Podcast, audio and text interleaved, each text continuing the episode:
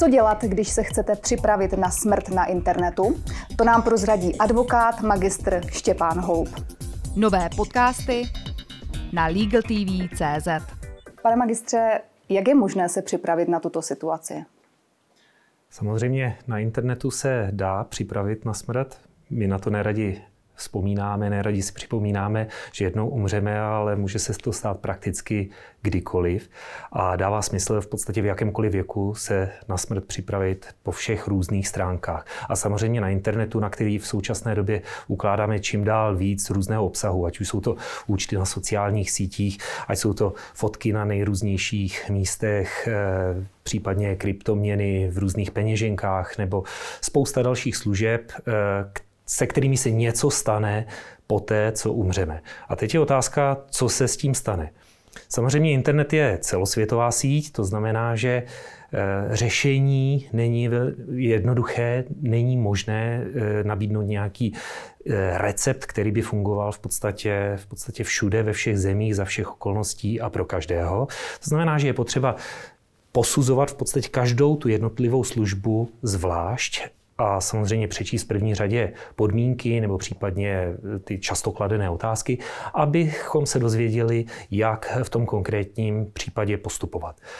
Není to jednoduché, ale v některých případech máme eh, návody nebo máme, eh, máme přístupy, eh, které jsou do určité míry jednotné. V řadě třeba sociálních sítí existují účty, kterým se říká memorial page nebo zvětšnění, to znamená, že eh, účet se předsvakne do speciálního módu.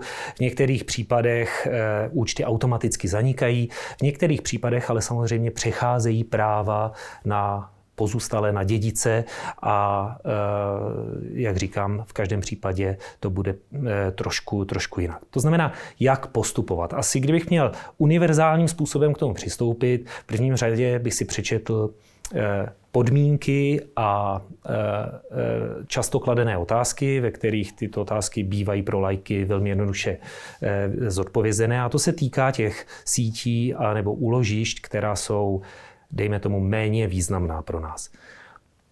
Pak máme ale další, to jsou velmi důležité účty, e, například kam ukládáme své pracovní fotografie, e, kam ukládáme produkty své práce nebo něco, co má pro nás nějakou vysokou finanční hodnotu. No a tam už bych poradil e, nějakým způsobem se nebo doporučil bych eh, poradit se s právníkem, který eh, této otázce rozumí, dokáže pomoci nebo případně dokáže interpretovat eh, ty jednotlivé smluvní podmínky. A není lepší předat třeba hesla někomu, komu důvěřujeme? No samozřejmě tato otázka se nabízí a e, v praxi to možná nějaké řešení bude, ale je potřeba si opět uvědomit, že internet je celosvětová síť a v některých jurisdikcích je byť třeba oprávněné nebo použití jiného účtu se svolením toho uživatele e, sice možné, ale může být považováno za trestný čin, takže je potřeba zvážit, jestli to opravdu stojí za to. E, další věc je, že Hesla se samozřejmě různě mění a přístupové údaje budou procházet nějakým vývojem. Kromě toho také není jisté, že se po té smrti, která může nastat buď zítra, nebo třeba za 30 let, prostě nenajdou nebo ta osoba na to zapomene.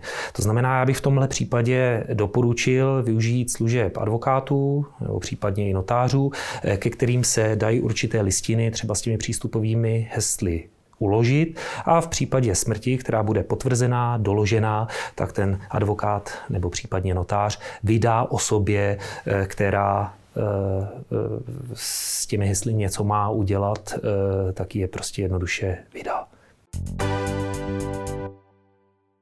Jakým způsobem se připravit i mimo internet? No a samozřejmě s tím souvisí otázka, jak vůbec přistoupit ke smrti jako takové. Samozřejmě eh, ty návody, jak přistupovat ke smrti, jsou výrazně známější eh, v tom běžném životě, kdy přichází v úvahu sepsat závěť a tam bych doporučil v každém případě sepsat ji ve formě notářského zápisu, to znamená u notáře. Eh, samozřejmě o tom obsahu je možné poradit se předtím s advokátem, a určitě dává smysl zařadit tu e, závěť e, do nějakého kontextu a v podstatě řešit ji společně s majetkovým režimem, e, třeba se společným měním manželů a podobně, protože i tam je potřeba si uvědomit, že každé manželství vždycky zanikne buď rozvodem nebo smrtí a v případě té smrti ta závěť není to jediné, co hraje roli při vypořádávání toho majetku. A na závěr dokázal byste schrnout třeba nějaké tři doporučení, co byste tedy eh, řekl, jakým způsobem se připravit tedy na smrt na internetu, abychom to tak nějak uzavřeli? Tak já bych, jak jsem říkal, doporučil v první řadě přečíst si podmínky a přečíst si eh, podstatě ty často kladené otázky a návody na těch sítích.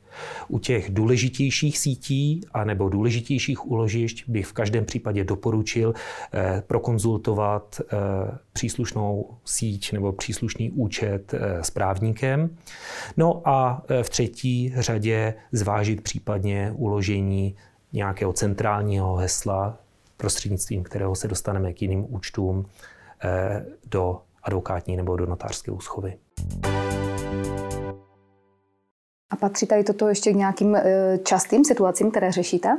advokátní kanceláři? Samozřejmě to, eh, my se specializujeme na otázky, eh, které se týkají přechodu majetku vlastně z generace na generaci a v rámci toho je to relativně častá otázka a hlavně vnímáme to tak, že tato otázka je velmi málo kdy dopředu uspokojivým způsobem řešena.